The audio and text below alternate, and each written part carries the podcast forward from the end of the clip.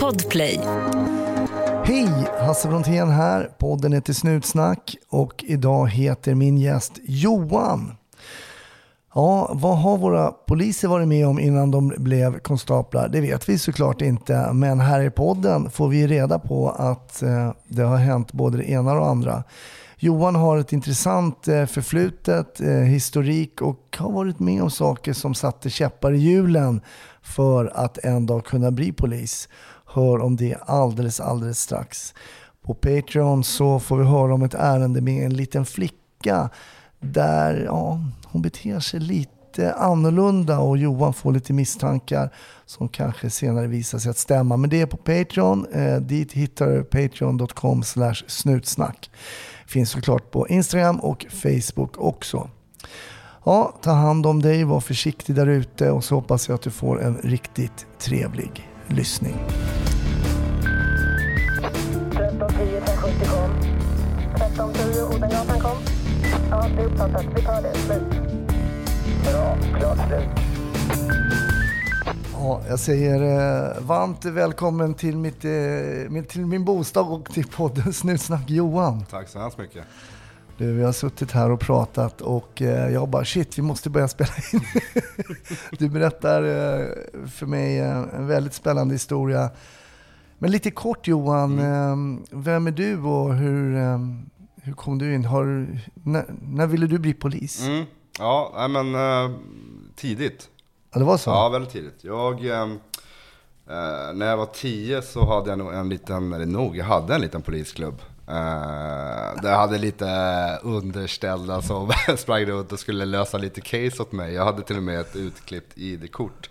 Oj, Med- oj. Jajamensan, som jag hade skrivit polis-CF på. Liksom. Jag vet inte hur många stjärnor, säkert åtta stjärnor hade jag garanterat. Så, eh, jag hade en liten polisbok där som hade lite namn på folk på gården som fick olika stjärnor. Tre stjärnor, då ska de ju åka in liksom. Då var det viktigt efter mötena vi hade med, med kompisarna att ja, ja, men nu har ju Tobbe tre stjärnor så vi måste plocka in honom. Uppfattat liksom. Det, plocka Så det fanns en honom. tidig önskan om att... Ja, liksom- det gjorde det. Det gjorde det. Det gjorde det Ja, det är intressant. Det är väldigt intressant Ja, om man har den här. Hur kom, vad tror du att det kommer ifrån? Att du liksom... Ja, och det är högst oklart, för jag har ingen i släkten som är polis. Eh, Jag har inga, liksom, jag har inte vuxit upp med polis på något sätt så. Um, överhuvudtaget faktiskt. Ehm, det har liksom funnits i mig väldigt länge bara det här. Jag tror att det är mycket med, jag hade som sagt väldigt stökig när jag var ung och så. Eh, jag hade liksom inga trygga, trygga förebilder alls i min närhet. Eh, så att, men, men det fanns en, eh, en polis som hette Robert Falk som jobbade som närpolis i det området jag jobbade. Han har jag jobbat med. Har du gjort det? Ja, f- fantastisk människa. Alltså verkligen. Och han var kanske den enda polisen som, som såg mig. Liksom. Ja, Okej. ja, nej, men så...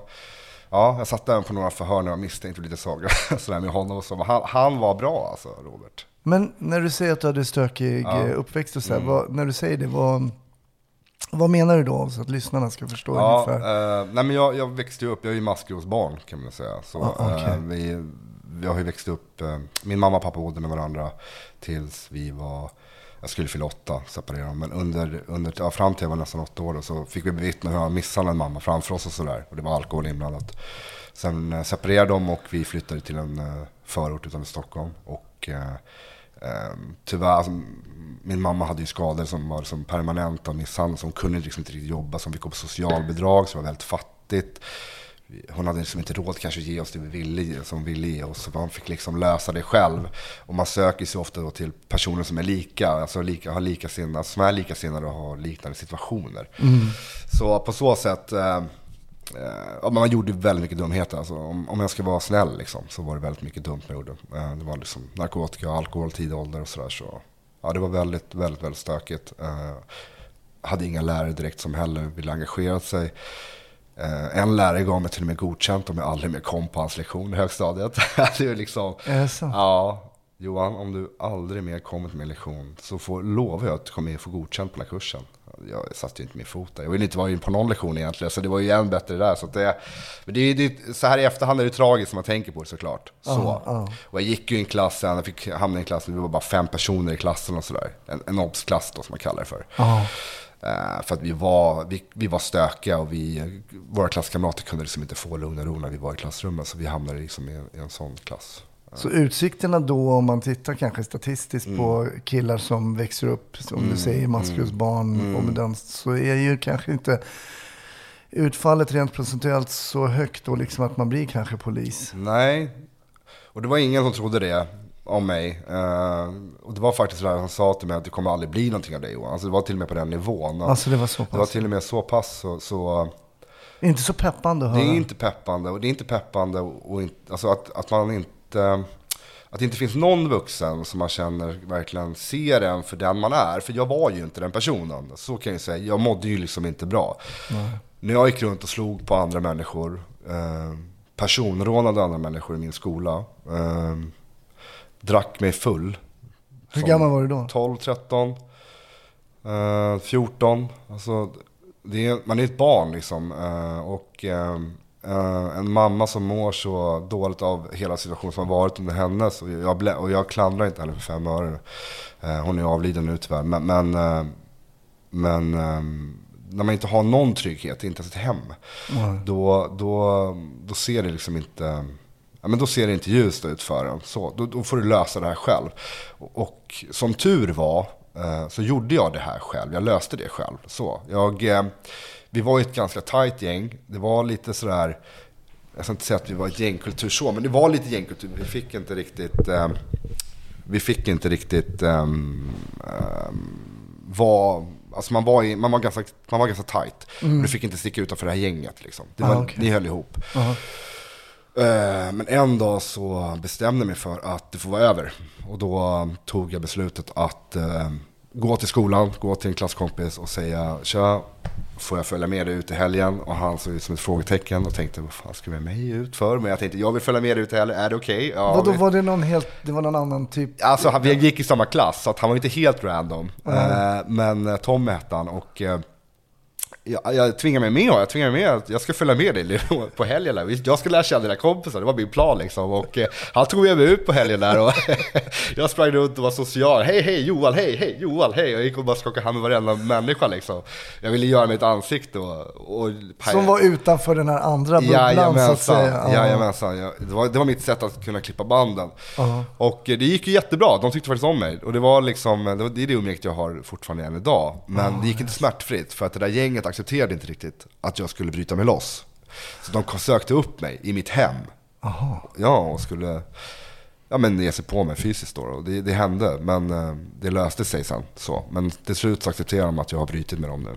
Och gjorde du det här med liksom med baktanken om att om jag hänger, om jag hänger kvar med den här gänget då kommer jag aldrig kunna liksom uppnå drömmen om att bli polis. Jag måste bryta. Var det med det i... i... Det var med det i åtanke. Alltså, med det, den, bak, alltså den tanken att jag vill ha familj. Jag vill bli en, en, en bra närvarande pappa. Som jag själv inte hade. Och som jag saknade varje dag när jag var liten att ha. Eh, och jag vill bli polis. Det var, det, det var mina livsmål. Det är det här jag vill göra. Det är, det här jag vill, det är så jag vill mitt liv ska bli. Och då kommer inte jag kunna vara med människorna. För det här resulterar i att det blir, man, man, jag vågade inte åka buss. Det tog mig flera år innan jag vågade sätta mig på en buss, även som vuxen. Varför då? För att människor som jag har gett mig på tidigare helger med mina vänner, de åker buss. Så åker jag buss så kommer jag träffa på. Då är risken stor att jag kommer bli påhoppad. Ah, okej. Så det var en konfliktmiljö på bussen som jag ville undvika. I vilket område växte du upp? Eh, norra Stockholm. Mm. Norra Stockholm. Eh, Var det stökigt det området? det området var stökigt. Det var inte som i nordvästra Stockholm. Ja. Det var inte så. Jag har inte växt upp i Tensta eller sådär. Utan det här är, sett till liksom hur det är egentligen i övrigt så är det inget jättestökigt område. Men det var, den miljön jag sökte mig till, det var bara stökiga människor. Jag fattar. Vet du vad de personerna Mm. idag, de som var i den, de du bröt dig loss ifrån, vet du ungefär vad de gör idag? det vet jag. Uh, några är döda. Eh, ett antal satt, sitter eller har suttit på kåken. En vet jag, han tog sig ut ur det här eh, och har skaffat två barn. Eh, och jag tror att det går ganska bra för honom nu. Så. Eh, jag tror att kanske med, kanske med lite hjälp med lite mediciner och annat, men jag tror att det går ganska bra för honom i dagsläget. Eh, men, men en av de här killarna som var i den miljön som jag vistades i, när jag jobbade på kriminalvården eh, 2010, så satt den här killen, en av de här bekanta som jag umgicks med då, som var, eller som var i den miljön då, Eh, han satt på det häktet som jag började jobba på då. Och eh, det var ju jättekonstigt att, ja, hej, du har grönkläder, jag har blåkläder. Det här är jätteawkward. Så vi, vi låtsades bara inte om varandra. Okej. Eh, han fick en dom på nio år för mordförsök för han hade försökt skjuta ner någon utanför ett McDonalds. Några månader tidigare. Och det var jäkligt konstigt kan jag säga. Jag var på samma avdelning som han mottog kanslidomar på nio år. Eh, det var jätte... Alltså det, man fick ju ändå känna att... Men alltså det här, gud, det här kunde, vara, det här kunde ha varit mitt liv liksom. Det här, jag kunde ha varit den här personen om jag hade fortsatt den här. Nu står jag här istället. Så. Det är ju rätt intressant faktiskt. eh, hur många, det är ganska, ibland är det rätt små tillfälligheter som gör att vi liksom leds in på en eller andra sidan. st- Eller andra stigen i livet liksom. Och jag tänker tillbaka till min ungdom när jag eh, ja, begick brott. Det var inga sådana, men det var man snattade. Vi mm. var ett gäng som åkte in till stan. Vi snattade godis. Det var inga, det var inga grova grejer, men man trimmade moppen. Och kanske en ganska normal liksom, så här, vet, pojk, tonårsgrej. Liksom. Du berättar om lite allvarligare saker sådär. Då. Men eh, den här målbilden som du har vet jag sitter kvar. Eh, men sen kommer det ett, eh, ett väggupp för dig som ju blir större ändå, ändå än den här bubblan som du eh, bröt dig ur. För på väg mot polisyrket så väljer du att jobba lite som väktare. Precis. Som många poliser har gjort Ja, innan, visst. väktare och ordningsvakter och sådär. Absolut. Och det är ett bra kneg. Alltså det är det. Man, man får ju vara ute och röra på sig och uppleva saker och sätta på sig uniformen. Så det var, det var mitt första jobb faktiskt innan. Eh, mitt absolut första fasta jobb var väktare. Eh, men just det, precis. Eh, jag pluggade ju då till, eh, jag hade bestämt mig för att eh, plugga upp mina betyg. För såklart så gick jag ju ut gymnasiet med, ja men det var ju piss och ingenting liksom. Ja, okej. Eh, så poddtips från Podplay. I podden Något Kaiko garanterar östgötarna Brutti och jag, Davva, dig en stor dos skratt. Där följer jag pladask för köttätandet igen. Man är lite som en jävla vampyr. Man har fått lite blodsmak och då måste man ha mer. Udda spaningar, fängslande anekdoter och en och annan arg rant. Jag måste ha mitt kaffe på morgonen för annars är jag ingen trevlig människa. Då är du ingen trevlig människa, punkt. Något Kaiko, hör du på Podplay. Därför är gardinerna. Jag, jag fick ju gå och sätta mig i skolbänken eh, och det kunde jag ju göra då när jag flyttade hemifrån. För jag har aldrig haft någon studiemiljö hemma. Jag har alltså aldrig gått att studera hemma. Så att när jag flyttade hemifrån då sökte jag mig till komvux. Då sa jag upp mig från jobbet och så, så skrev jag in mig på, på komvux på heltid. För att jag skulle kunna plugga upp mina betyg och sen söka polisen. Och eh, då, då eh, väljer jag att jobba som väktare under tiden. Eh, alltså jobba extra då. På ett lokalt eh, bevakningsföretag i Stockholm. Eh, och eh, det- den bilen som jag får köra är då en så kallad hundbil. Alltså det, är en, det objekten man besökte, det var soptippar runt om på Stockholm. Och det var, liksom, Det var de- din arbetsuppgift. det var min arbetsuppgift. Jag skulle åka och rondera soptipparna. Och ordinarie bil är en hundbil. Det är en hundtjänst. Liksom. Du ska ha hund med dig. För det är ändå så pass farligt eh, att vistas på de här soptipparna på nätterna. För det är väldigt mycket folk där. Narkomaner och ja, men det är väldigt mycket alltså, folk som du kanske inte skulle vilja möta själv. Så. Löskerman. Jajamensan. Så eh, det blev liksom, eh, jag hade ju en hund då under den här tiden. En rottweiler. Din privata hund. Min privata hund som var två år vid tiden. Eh, som jag köpte när jag jobbade som väktare. två år tidigare då. För jag, min tanke var att jag skulle göra den till en, en väktarhund. Men det blev ju inte så i och med att jag började plugga istället. Så det blev en familj. Men eh, enligt chefen då så, ta med dig hunden, absolut, det är ju inte helt okej, men du får inte använda hunden. Men vi har hundbur i bilen, så att för att det ska funka smidigt för verksamheten, stoppa in hunden i bilen och sen så får du väl köra runt med den. Men du får inte använda den liksom. Nej, för de hundarna ska vara godkända av Jajamensan. Polismyndigheten. Ja. Precis, de ska köras upp, ska eldtestas och det, det är lite sånt här eh, som Polismyndigheten ska bestämma vad som liksom standard för hur hunden ska vara. Sen ska även jag då ska gå en utbildning för att kunna visa att jag kan hantera hunden och vara en, alltså en, en hundförare. Men det hade jag inte gjort. Så eh, jag, eh, och då var det då en speciell händelse som, som vände upp och ner på mitt liv kan man säga. Ganska ordentligt. Eh, Ja, alltså jag har nog... Den hänger med mig än idag, även om det är på ett helt annat sätt. Men, men den gjorde verkligen mig till en helt annorlunda människa. Jag jobbade då på eh, en... eh, Jag hade varit rondé på en soptipp i eh, norra Stockholm. Och eh, hade en eh, stängning av en bensinmack som skulle göras. klockan 10. Så jag lämnar objektet och på vägen ut så ser jag att det står en utlandsregistrerad bil utanför grinden. Jag tänker, ja, men det här är ju spännande. Då är det ju folk här inne. Men jag måste åka till bensinmacken först. Så jag åker till bensinmacken och eh, Eh, stänger den. Och sen åker jag direkt tillbaka. Istället för att åka och äta lunch då, som var tanken. Så åker jag direkt tillbaka till objektet. jag går in och eh, tar ut eh, hunden och eh, i koppel då och ska rasta henne. Inne på området för att ta med mig som en kik. Och eh, det blev drag i linan ganska omgående. Eh, hon, eh, hon styr direkt mot elektroniken. Vad menar du elektroniken, vad är det då? Elektroniken är liksom själva avdelningen, eller man säger, platsen på soptippen där man slänger tv-apparater, DVD-er och ja, men allt som är elektroniskt. Tvättmaskiner, allt sånt där. Och eh, jag hänger på. Vi, eh, kommer, vi kommer fram mot elektroniken, närmast elektroniken och jag ser ingen. Men hon har ett himla drag. Alltså hon är verkligen taggad. Hon, det här är någonting och hon vill fram till det här. Eh, så jag eh, följer efter och eh, jag noterar att det är två stycken brädor i planket som är borttagna. Så då förstår jag att de har tagit sig in den vägen. Och eh, hunden då hoppar rakt igenom det här utan att tveka. Hon ska igenom där. Och eh, ställer sig ganska omgående när hon kommer igenom. Innan jag ens hunnit igenom så, så ser jag att hon ställer sig och skäller liksom. Mot någonting. Och jag ser inte vad hon skäller mot. Så jag hoppar igenom här och är, ja, men man är ganska, alltså adrenalinet pumpar här. Hur gammal är du här nu? 21 år gammal, så jag är bara barnet alltså. Det är, jag är 37 idag, så det, här, det här är några år sedan.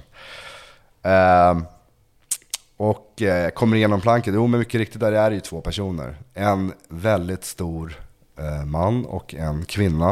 Eh, det visar sig att de är från Litauen. Jag har ju då puls på jag vet inte vad och jag ser ju allt genom ett sugrör. Så jag liksom bara skriker åt dem att lägg er ner, lay down, lägg er ner, lay down, lay down.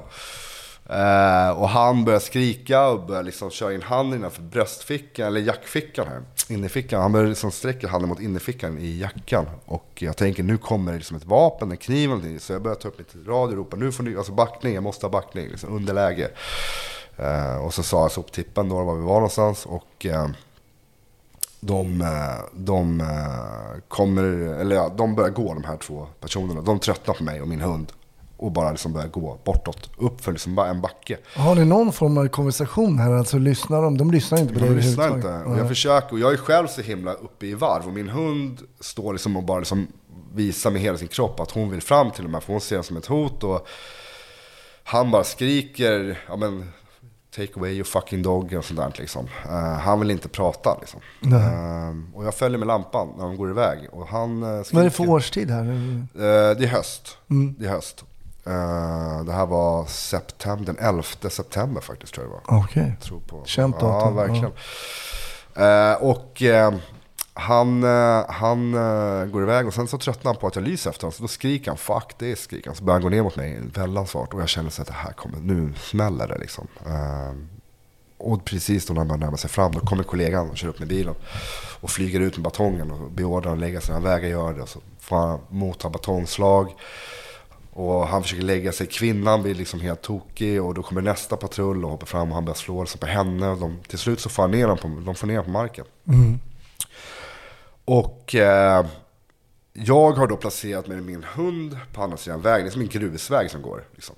Och jag står då på andra sidan av grusvägen. För jag känner att jag, jag, vill inte, jag vill inte beblanda mig med det här. För att jag står här med min outbildade hund som är helt liksom, uppe i varv. Eh, Jag har ingen utbildning för att vara hundförare. Det, här, alltså, det är mycket som jag känner att det här är inte rätt. Det här är inte rätt. Men jag tänker när de här kommer fram då, de här kollegorna, de har väl ganska, de har väl ganska lite information om det här läget, vad som har hänt. Ingenting. De har Det är ingenting. ingen information. Och de, jag tänker på de här batongslagen som Ja. utdelas där. Ja. Vad tänker du kring dem? Eh, Funderar du något Ja. på det, det första man gör? Att man börjar... Ja, alltså. Det var mycket här som jag inte tyckte var snyggt. Som jag kände att, oj, det här, det ser, det här är inte bra. Alltså det här ser inte bra ut. Nej, Så. Eh, Var de äldre eller yngre eller jämngamla? Eh, Eller? Mina kollegor då som jag jobbade med. Eh, gruppchefen var 45, Ja. som var med där på platsen. Och sen var det 35 och 34. Och jag var 21. Eh, Så jag kan väl helt ärligt säga, jag vågar inte säga ifrån heller. Jag vågar inte heller liksom säga, men nu räcker det, stoppen, sluta med det här. Jag var inte där liksom. Eh, Jag var ganska, jag var ganska, så här, hängde med i det här som hände. Så att jag ser vad som händer och så. eh, Och jag, jag har ingenting med det här att göra. Så, med, så kände jag liksom. Det var ditt case ändå. Det var liksom. totalt mitt case. Det är jag som fått dit dem till att börja med. De var ju där för att jag ropade på dem. Mm.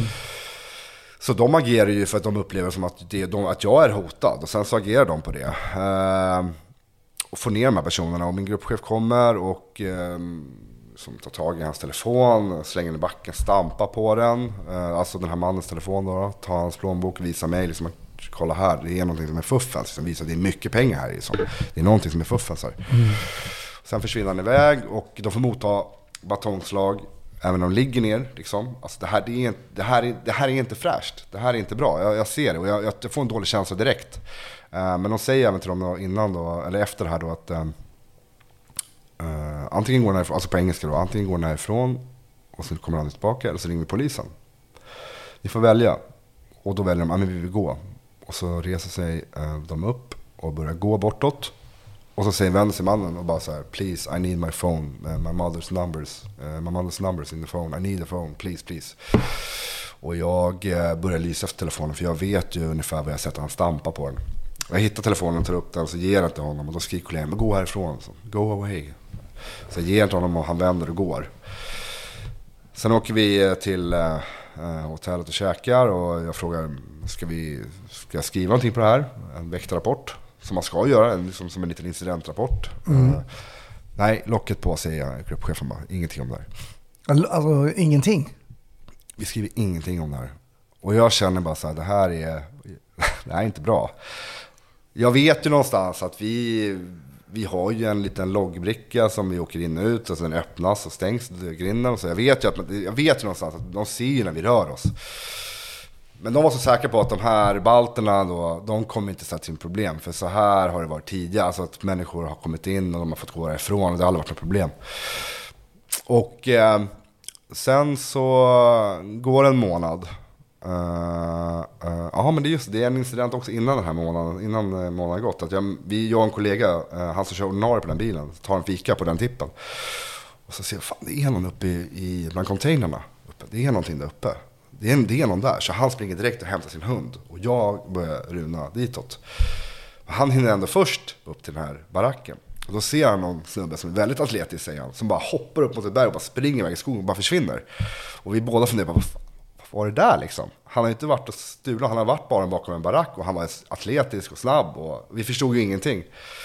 Eh, men han, vi tänkte inte mer på det, han försvann i alla fall iväg den här killen. Vi kom ju inte ikapp honom för han var ju vältränad den här snubben. Så eh, sen gick det en månad och får jag ett telefonsamtal hemma. Ja men tjena Johan, Thomas här, eh, polisen. Ja. Eh, Du, eh, fan, vi skulle behöva snacka lite med dig. Har du lust att pipa ner på stationen och ta ett samtal? Hur var hans ton mot Ja, den dig? var glad, den var positiv, det var lite så här som jag kan hjälpa dem med någonting. Så var det. Att när polisen ringer och, och vill ha en schysst connection för de vet att du kan ge mig någonting. Så att, ja, kom ner så, så, så snackar vi lite grann. Så, som ett vittne, som jag skulle vara ett vittne. Vad tänker du i det här läget? Ja, jag tänker att jag vet vad ni vill prata om, tänker jag. Jag vet exakt vad ni vill prata om och jag blir bara så här, det här är inte bra. Alltså, jag, jag blev kall liksom. Men eh, ja, visst, jag absolut, självklart kan jag komma ner. Men när passar det liksom? Nej, men när som helst, ja. kom ner när du vill. Så jag tänkte, fan det här är ju högst frivilligt också. Alltså också. Han får det låta som att det är högst frivilligt det här. Ja, fan. ja men jag, jag, jag kommer ner. Jag, jag slänger in hunden i bilen så, så kommer jag bort till er. Ja men toppen, då ses vi om en ja, 15-20. Ja men det gör vi. Lämnar hunden i bilen, går in eh, på stationen, går fram till eh, eh, han befäl som satt där och hej hej, anmälde mig och sa det att jag ska träffa de här två. Ja, tittar han bara, tar upp telefonen och så ringer han. Och jag har ju varit på den stationen tidigare. Jag vet alltså vart de kommer ner och vart man går upp. För att jag har varit dels varit förhörd när jag var liten och jag har även varit vittne som väktare. Så jag har varit på den stationen. Så jag väntar vid den här dörren, de kommer ner. Perfekt, tjena, hej, skaka hand. Eh, men istället för att gå upp för den här dörren så ser jag att de piper iväg åt ett annat håll. Och blir jag så, men var ska ni nu då? Vi ska ju hitåt. Och så går de bakom, följ med här nu Johan. Och så, okej, och så går vi in bakom, går in i den här dörren. Och då ser jag att det här är en arrestmiljö. Vi går in i en, arrest, en, i en polisarrest här nu. Och då känner jag att det här, är, det här är inte som det brukar vara. Och eh, du kan gå in här säger man, med en ganska bestämd röst. Det är inte alls samma tjenis-tjenis här nu, utan det, nu är det, gå in här. Jag går in där. Ja, du kan eh, tömma dina fickor eh, på bordet här. Ja, absolut. Börjar tömma de här. Så när jag lägger upp telefonen på bordet, då suger han åt sig den snabbt. Och säger, den här är beslag. Okej. Ja, okej. Har du mer telefoner? Nej, det där är den enda telefonen jag har. Är du säker? Ja, ja, jag har inga mer telefoner. Det där är den enda jag har. Ja, och sen så, vi ska ha ett förhör. Okej.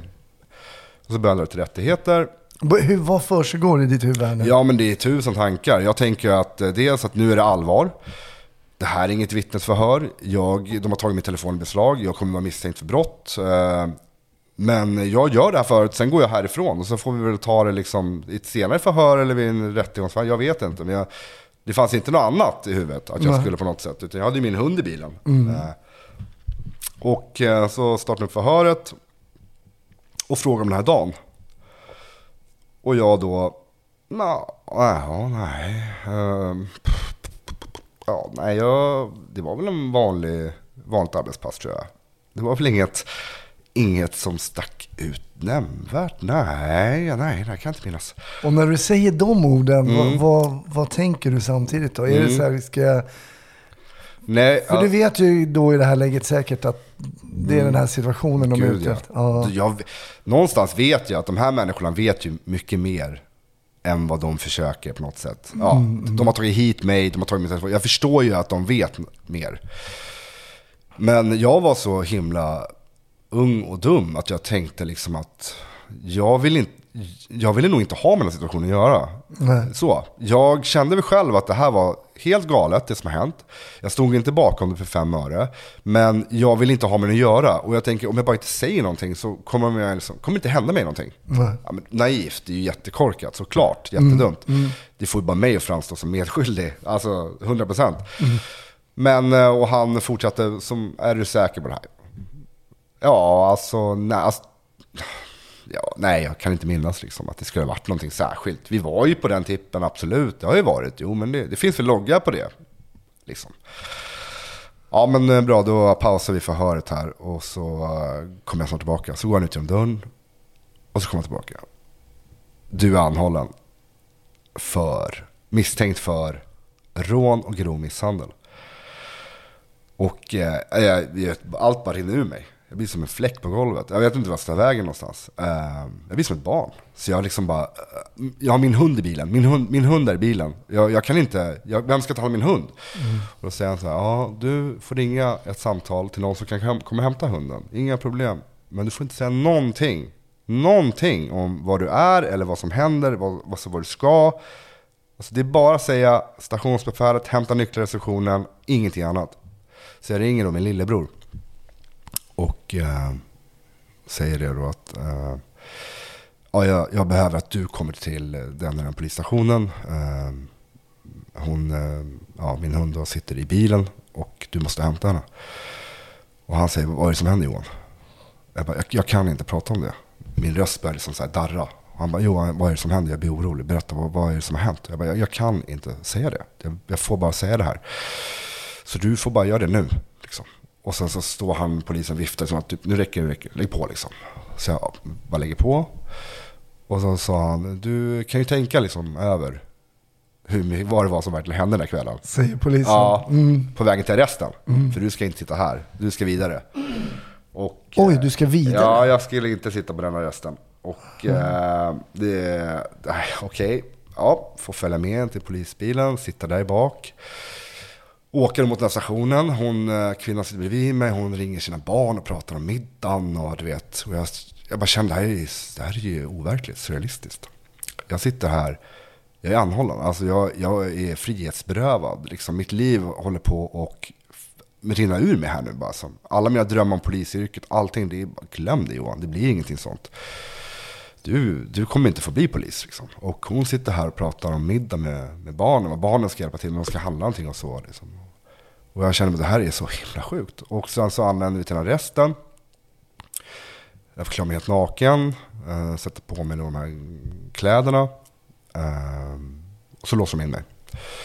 Och arrest, att vara i en arrest är ganska, alltså det är, det är kallt alltså. Det är inte mycket att hänga Och fyra dagar satt jag och eh, första natten, efter första natten så tänkte jag, men det här, det här får jag liksom bara, nu får jag bara som, prata med utredarna och med advokat. För att jag har fan inte gjort någonting, jag ska inte sitta här liksom.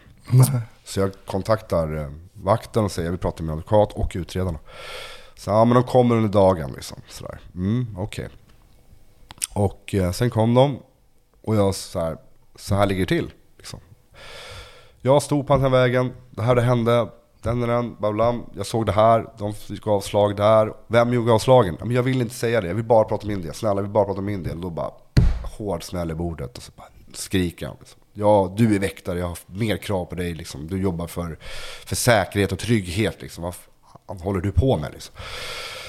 Och jag kände bara wow, alltså bara räck till mig att det här, ja men det var som en, liksom, ja det är ju så. Jag har ju valt att jobba som, som väktare för jag vill skydda människor för att jag faktiskt, jag vill jobba för säkerhet och trygghet. Jag är ju precis som man säger, han ljuger ju inte polisen. Sen var det lite bryskt kanske, men han har ju rätt. Och eh, Var han bad cop? Ja, han var bad cop. Och den andra, Staffan, han var good cop. Han satt mest bara och var så här, men det, liksom lite leende så ibland och var lite så trygg. Liksom. Jag tog en paus med advokaten och sen så kom jag in igen och då berättade jag så här, det här, det här har jag sett. Det är den här personen, han heter si och så. Han, han gjorde det och det här, det här. Du la ut allt? Jag la ut det och liksom, ja men jag sugarcoated inte någonting. Jag var så här, så här ligger det till. Men jag vill fortfarande betona min roll. Jag gjorde det här. Liksom, jag stod på den här vägen liksom, med min hund. Liksom. Ja men då får du rita här. Här får du papper och penna. Jag vill att du ritar exakt var alla stod och var du stod någonstans. Jag ritar upp det, ger till utredarna. Och sen så får jag ändå sitta fyra dagar. Eh, så blir det häktningsförhandling på, på fredag. Eh, och min advokat säger till mig innan att om du kommer till häktet så är det en kioskvagn som kommer en gång i veckan och du får sova i en säng med lakan. Och då sa jag till honom, vet du vad? Vi kan hoppa den här, vi kan hoppa häktningsförhandlingen. Ta mig till häktet direkt i sånt fall. För en kioskvagn och lakan i en säng, ta mig dit. Så illa var det. Alltså, jag behöver inte ens vara här, jag kan, jag kan åka dit direkt. För det låter, det låter som en dröm, så kände jag. Oh, wow. Och han tyckte liksom att det var lite komiskt, men jag var allvarlig liksom. Och sen så gick vi upp till eh, häktesförhandlingen och då träffade jag då min, mina bröder och min mamma för första gången. Efter det här hade hänt. Och du har fler bröder? Ja, jag har två bröder. En Okej. store och en lilla, så jag är mellanbarnet. Och jag kan knappt kolla på dem. För jag håller på att bryta ihop. Eh, Jag ser min mamma, hon är helt förstörd. För hon har ju försökt i fyra dagar ringa till polisen, försöka få liksom reda på vad som händer med hennes son. Liksom. Och eh, under förhöret, eller under, under häktningsförhandlingen, sen för det blir stängda dörrar så får de gå ut igen. Och eh, då förklarar jag bara så här, och berättar läget igen, så här gick det till. Och jag vill också betona att jag är under en utbildning, jag pluggar till mentalskötare. Jag har ett prov idag som ska göras. Liksom. Så jag, jag vill verkligen slutföra min utbildning. Liksom. Min advokat tyckte att jag skulle trycka på det. Så jag vill verkligen slutföra min utbildning, jag vill göra de här proven, jag vill verkligen kämpa för det här. Liksom. Jag, att bli inlåst, det kommer inte gynna mig. Liksom. Och um, de var andra tre medåtalade. De hade också suttit i arrest. Och två av dem hade suttit i Täby, så det var därför inte jag kunde sitta där. För man var liksom, ja. Eh, De tre blev häktade och jag blev släppt. Eh, och det var ju en så här, det var som en, ja, men, som verkligen en släpp. Eh, en sten som släppte från bröstet. Och eh, sen började då eh, kaoset då, alltså man ska säga. I och med att jag eh, gick runt och var, jag, jag, blev, alltså jag var ju helt knäckt liksom, över det här. Eh, och min advokat var väldigt tydlig med att du har inte begått ett brott. Liksom.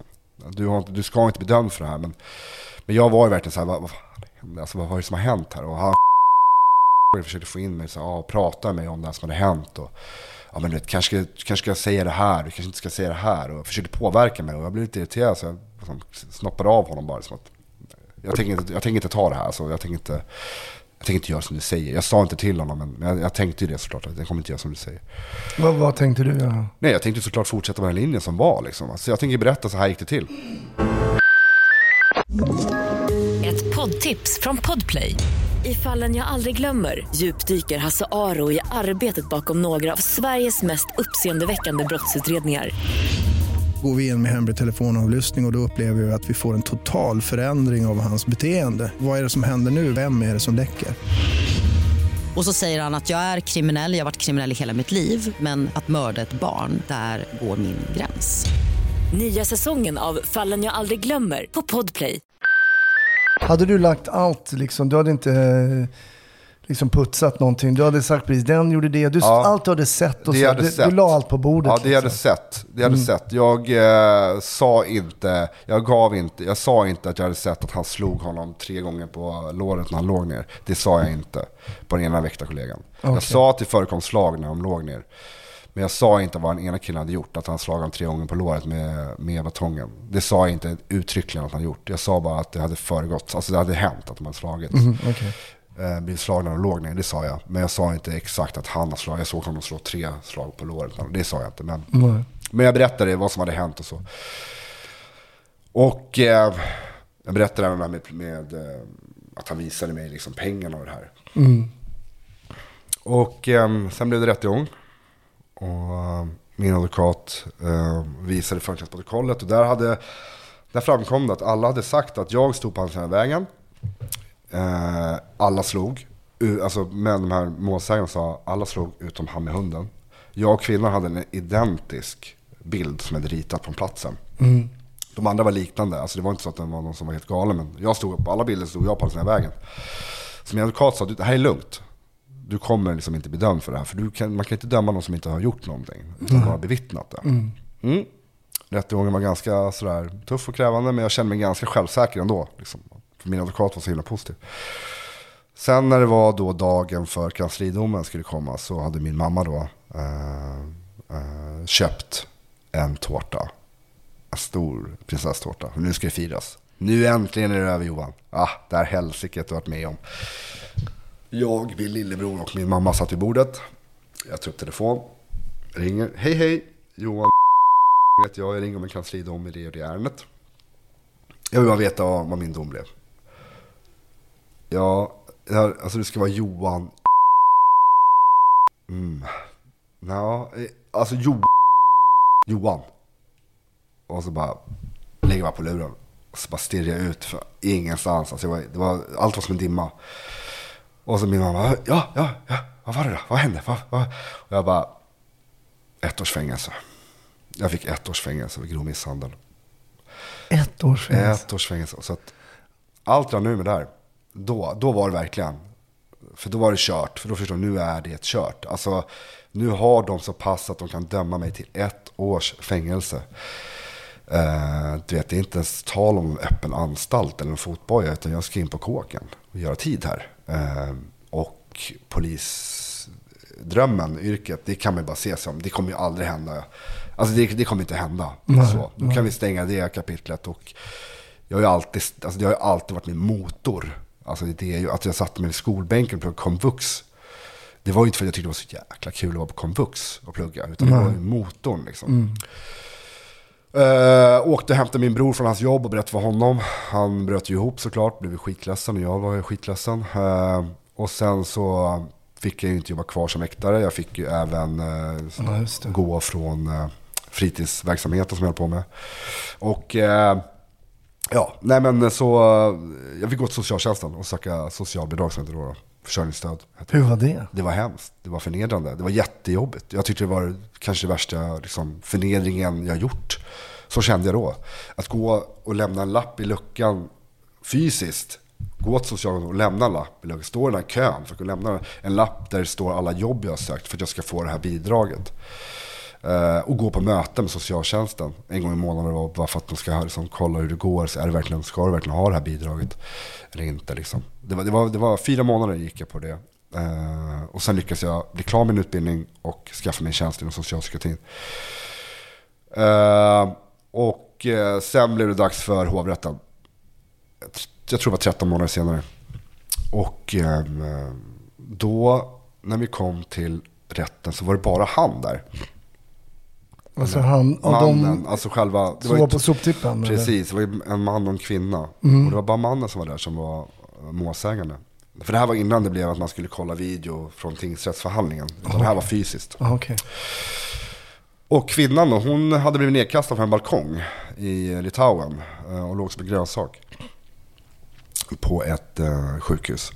Eh, den här mannen hade haft massa pass med olika kvinnor från olika länder. Så att man trodde att hon, det var någon sån här maffiakoppling eventuellt. Någon så här prostitutionshärva härva. Och hon var troligtvis prostituerad, trodde man då.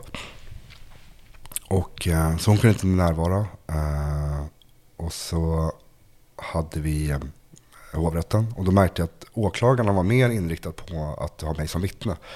Än som den förra åklagaren som var mer att liksom vara på mig och min hund och liksom min närvaro hade verkligen pressat fram det här och så. Och på den tiden rökte jag och gick ut på balkongen hemma när jag skulle ringa om domen. Och samlade kraft för min brors skull, min äldre bror som var hemma då med mig. Eh, vi var hemma hos min mamma då. Och jag visste att om han, om jag får den här domen fastställd så kommer det ta knäcken på honom också. Så jag ville bara samla kraft. Jag stod bara där ute och samlade kraft för att kunna orka hålla upp ett liksom, sådär för honom. Och eh, när jag då ringer så får jag höra som, ja Johan, ja du är frikänd. Helt frikänd. Helt frikänd, det finns ingenting. Och hovrättsdomaren var väldigt tydlig med att ingenting under utredningsgången framkommit. Att min närvaro på något sätt har utgjort, liksom underlättat misshandel. Någonting. Alltså, det var väldigt så här befriande dom för att den var väldigt tydlig med att jag har inte gjort någonting. Jag är feldömd. Så det rev, den revs liksom. Och då gick jag in till min bror som bara står typ och nästan skakar. Han har som tårar i ögonen. Och jag bara kramar om honom och så bara säger liksom frikänd. Och så bara står vi där typ och bara håller om varandra och typ gråter över att det äntligen är över det här. Och nu är det verkligen över. Och så att det var fantastiskt och jag förs- försökte komma tillbaka till mitt liv och jag fortsatte med mina studier och kämpade mot polisen. Jag har gått igenom jättemånga arbeten såklart eh, innan jag kom till polisen men eh, till slut så kom jag in på polishögskolan och gjorde klart utbildningen. Eh, gick, det var också väldigt mycket... Men hur var det på, jag tänker när du blir kallad till det här samtalet och jag menar de har ju såklart eh, sett, du har ju sökt till polisen och de ser så här, men vänta här nu. Eh, hur mycket ställ, frågor ställde man till dig vid rekryteringen? Jag drar ju allt själv. Jag har jobbat i kriminalvården, jag jobbat Kronofogden, eh, Tullen har jag jobbat. eh, Och alla de har ju som säkprövningar på något sätt.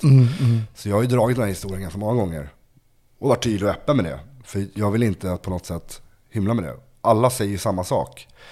Eh, De blir först, tittar de ner på pappret, skriver bara mina svar. Och sen när man börjar prata om det här, då tittar de upp och så bara, vad sa du?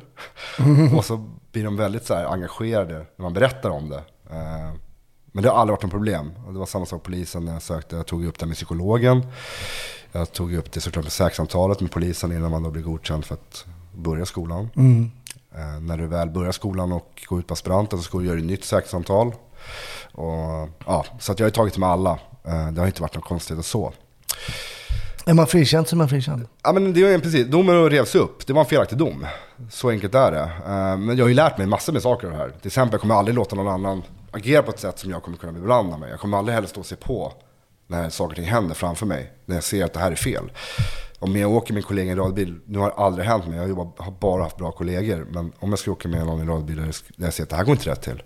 Då kommer jag säga ifrån. Jag kommer aldrig låta det ske framför mina ögon igen. Och det här säcken då knyts ihop ganska fint. Eh, för att eh, när jag gör min första dag på aspiranten, då kommer man in med blåskjorta, du får ditt, eh, ja, men ditt polislägg, det blir en ceremoni. Och sen så får du träffa liksom din grupp aspiranter och prata med handledare. Och så får du ta en rundtur. Allt det här skedde på samma station där jag satt anhållen. Ganska exakt 12 år i, alltså, eh, efter. Och när vi går ner den här rundturen, då går vi ner i den här resten. Och eh, då går jag in i cell 8 som jag satt inlåst i i, tolv, ja, i fyra dagar, 12 år tidigare. I min blåskjorta och bara ställer mig där inne och bara får Du står i Jag polisuniform. står i min så. blåskjorta, du vet. Polis står det, jag har min slips. Jag, och här står jag nu i samma cell som jag 12 år. Jag stå, legat och gråtit och varit liksom, mitt liv är över. Liksom. Men det är inte det.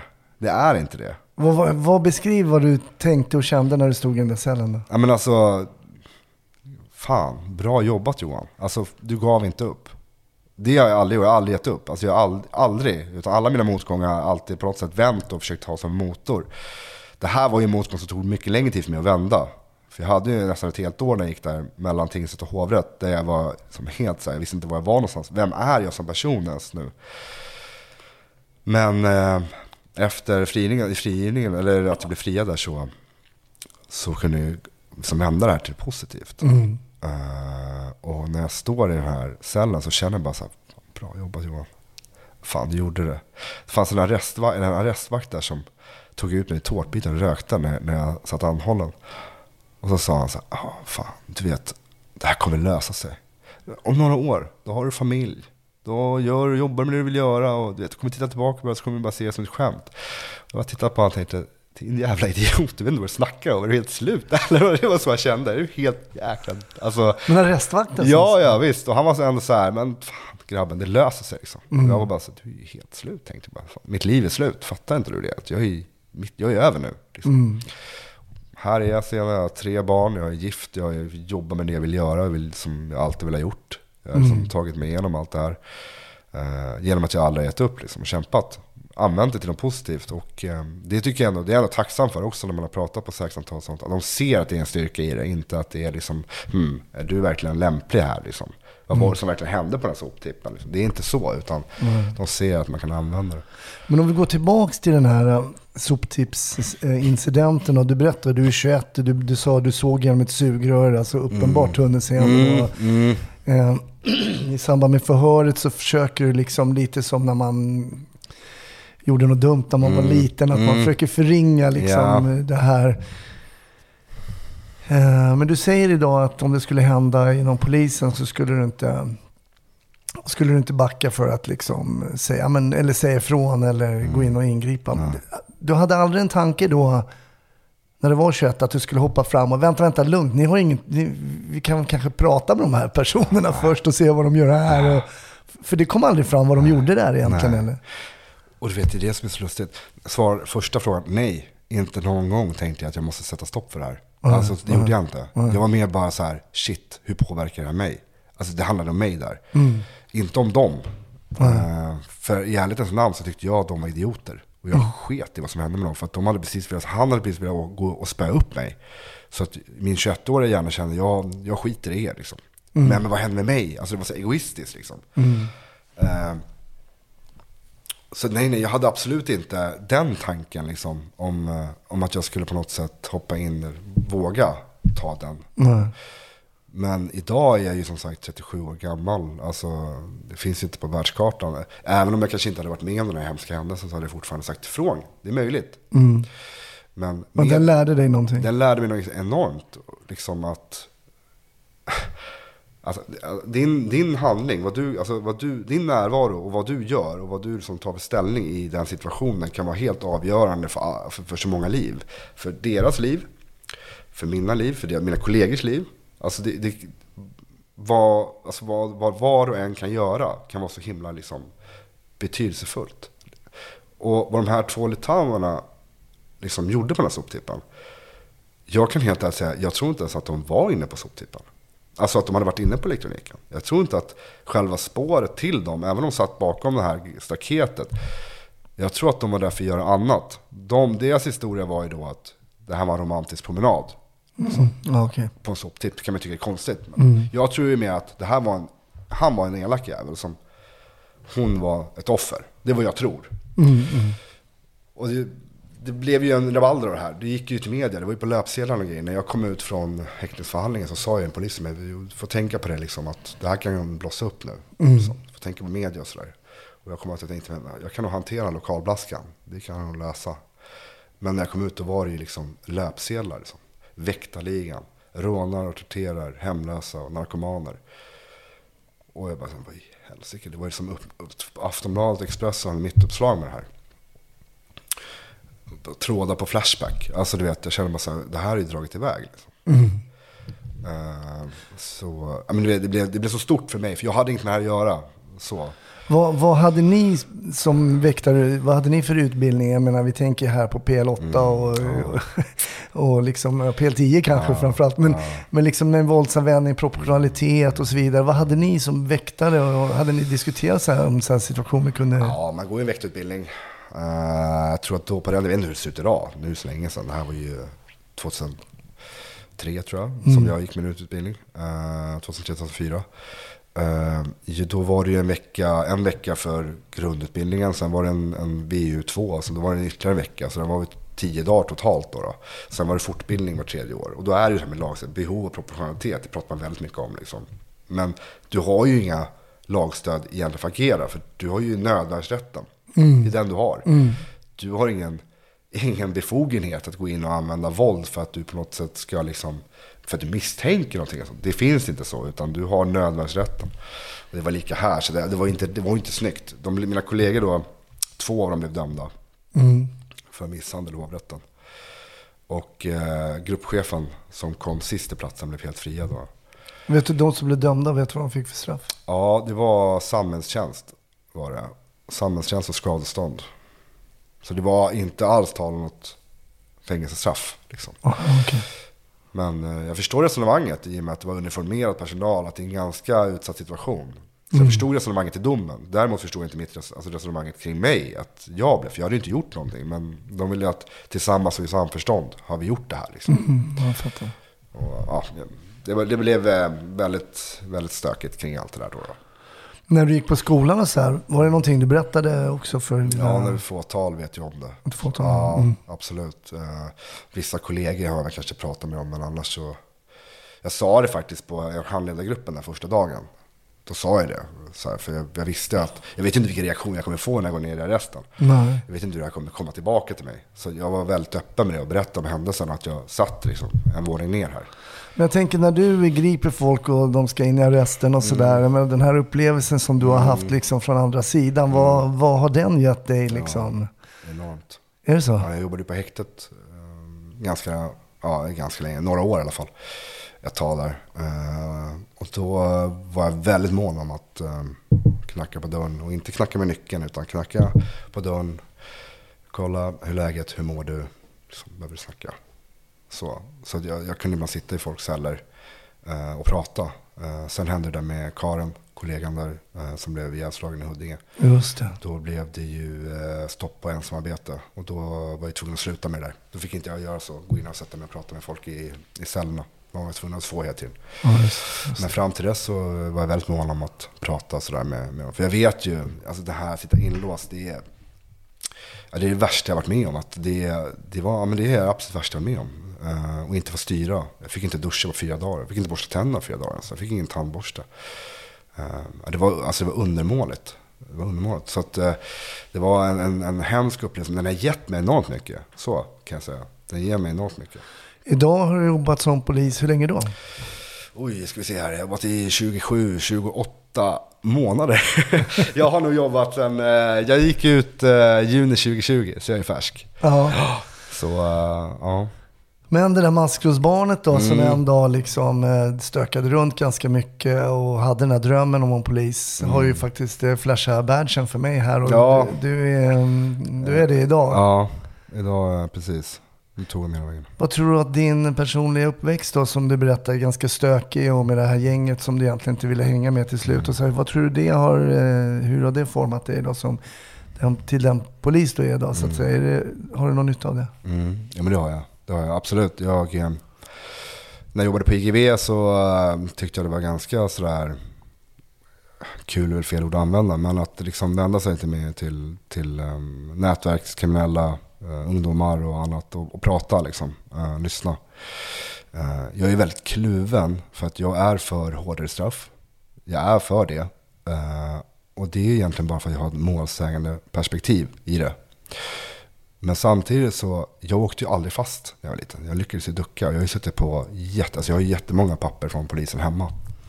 Du har varit inne på förhör? Ja, jättemånga gånger. Jag har varit misstänkt för jättemycket saker när jag var ung. Uh, åkte aldrig fast för det. Eh, och det, det kanske var avgörande för mig. Men det är ju lite flax då. Hade Ja. du kanske åkt fast och blivit dömd så Ja. hade du kanske inte kunnat bli polis. Nej. Och då hade det kanske blivit den här cirkeln. Att jag hamnar i det här och sen så känner jag mig stämpling.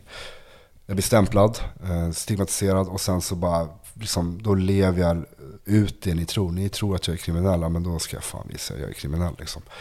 Ja, du tror inte, min lärare, du tror inte jag ska bli någonting. Ja, men jag ska visa, jag ska nog fan visa att jag inte kan bli någonting. Jag kommer bli den värsta tjuven i stan. Liksom. Alltså, så Det, kan vändas åt olika håll. Så jag är kluven. Jag är kluven. Men det kanske finns folk som lyssnar på podden idag och tänker så "Men den här Johan, han borde ju inte ha blivit polis. Jag menar, eh, Mm. dels med sin uppväxt, lalala, berätta att han har varit misstänkt, suttit på förhör. blev ju faktiskt också mis- eller dömd där då i hovrätt, Mm. eller förlåt, i Nej, tingsrätten. Eh, vad skulle du vilja säga till de som tänker så? Och vi börjar med den frågan då. Mm. Ja, men först och främst så, hade det varit så att jag hade varit en tveksam, hade haft en tvek, alltså en moraliskt tveksam kompass alltså, så hade jag absolut hållit med om, då ska inte jag vara polis. Eh, Men aldrig någonsin så har jag känt mig så mycket polis som jag gör. Liksom. Även innan jag blev polis så har jag alltid känt att jag är polis. Liksom. Jag vill göra rätt, jag vill hjälpa människor. Allt det jag har varit med om, det är bara för mig verktyg i mitt yrke som jag kan använda. Ehm, många människor är snabba på att döma, men man måste också ha klart för sig att alla människors livsvillkor är så himla olika. Vi har olika kort vi spelar med. Mina kort var väldigt, jag hade väldigt, väldigt låga. Jag hade inte ett enda par alltså, i min lek. Och jag hade ingenting att slå mot. Men ändå någonstans, man lägger man dem ganska smart så kan det ändå komma någonstans. Men då hänger det också på att personerna vill spela smart. Och att man inte lägger sig, utan man faktiskt spelar korten hela vägen. Eh, Och det är det jag har gjort. Så jag har det bara som verktyg idag. Om vi vänder på frågan lite grann, kanske någon som lyssnar som också kan känna igen sig lite i din story. Det finns ju många kids där ute, både tjejer och killar, som börjar lite kanske på, på minus då, som du gjorde också. Och kanske har en tanke och kanske en dröm också som du hade, att jobba som polis i framtiden. Vad skulle du vilja liksom säga till dem?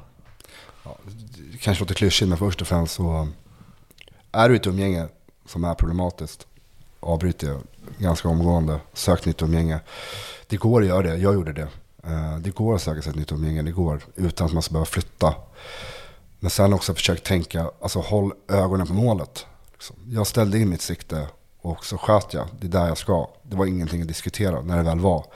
Men det är så mycket lättare att sitta nu som polis och trygghet med fru och barn och allting. Att säga det än, att, än, än vad det är att göra det för de här människorna. Men jag gjorde det. Jag gjorde det mot alla odds. Eh, jag har inte haft någon vuxna trygghet, alltså någon vuxen trygg eh, person som har liksom funnits för mig. Eh, jag har fått sköta mig själv. Och jag är här idag för att jag tog beslut själv också. Och det kan även ni göra. Liksom. Det vet jag, ni kan. Om ni vill det. Det är inga problem. Du berättade här tidigare att din mamma inte lever längre, men det verkar som att du och dina bröder ändå har haft ehm, ett förhållande där ni har stöttat varandra. Du berättade när, när hovrättsdomen kom, du och din bror kramade om varandra. Så här, hur, hur, vad har du för förhållande till dina bröder? Ja, jag har ett bra förhållande med bröder. Jag älskar dem mer än allt annat. Eh, Min eh, storbror bor ganska nära av mig. Han har också barn. Eh, Så vi träffas ibland och min eh, lillebror bor centralt i Stockholm. Så vi träffas också, han har också barn. Eh, Så vi är ändå ganska tajta eh, faktiskt. Eh, vi har ju inte någon mamma eller pappa. Eh, pappa är också död. Så, men vi, vi har ett bra, vi har ett bra ett band. Min bror, min storbror var en trygg, han var en trygg person för mig när jag var ung så. För han var inte, han var inte så stök som jag var. Så att han var ändå, hade han varit en lika stor stökpelle som jag var så hade jag kanske inte heller haft den, liksom, känna att jag hade någon alls då. Ja, jag fattar. Så även om eh, han inte kanske fysiskt just var en trygga personen för mig så var han ändå en förebild för mig. Så. Eh, Jag brukar alltid fråga om ett minne, men vi ska prata om det i avsnittet på Patreon. Och jag vet att det är barn inblandade i, i det polisiära minnet som du har. Men vi ska väl ändå inte um, glömma bort att fråga dig vad du kollar på för polisfilmer på fritiden. Nej, precis. Den frågan är kvar ja. Ja, nej fasken. Jag, jag har egentligen bara en film som, eh, som jag tror att jag har sett åtta gånger säkert. Okej. Och det är ändå Watch. Den är... Ja. Det är inte för att den är så extremt verklighetstrogen, men den här, de har fångat det här kärleken mellan kollegor och liksom kärleken till jobbet, drivet och ja, den, är helt, den är helt fantastisk faktiskt. Introt kan jag ibland bara sätta på bara för att, bara för att få se introt. Liksom. Så ja, ändå Watch är det alla dagar i veckan. Serie The Wire såklart och sådär, men, men annars är det ändå Watch. Mm, den är ju mycket bra ändå, Watch. Ja. Alltså Johan, eh, stort tack, för Tack. att du ville komma förbi. Eh, superintressant bakgrund, historia. Eh, pepp till alla som eh, kanske känner att det är omöjligt. Det kanske inte är omöjligt. Aldrig omöjligt. Eh, vi hörs på Patreon. Det. Hej.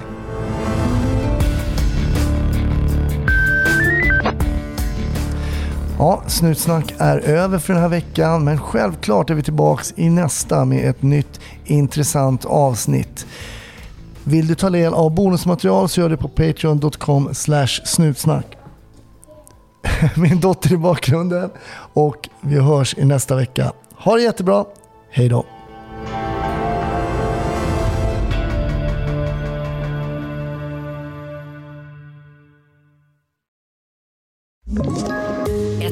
Poddtips från Podplay.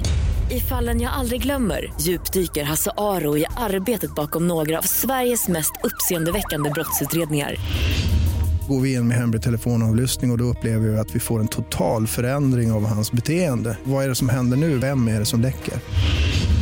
Och så säger han att jag är kriminell, jag har varit kriminell i hela mitt liv men att mörda ett barn, där går min gräns.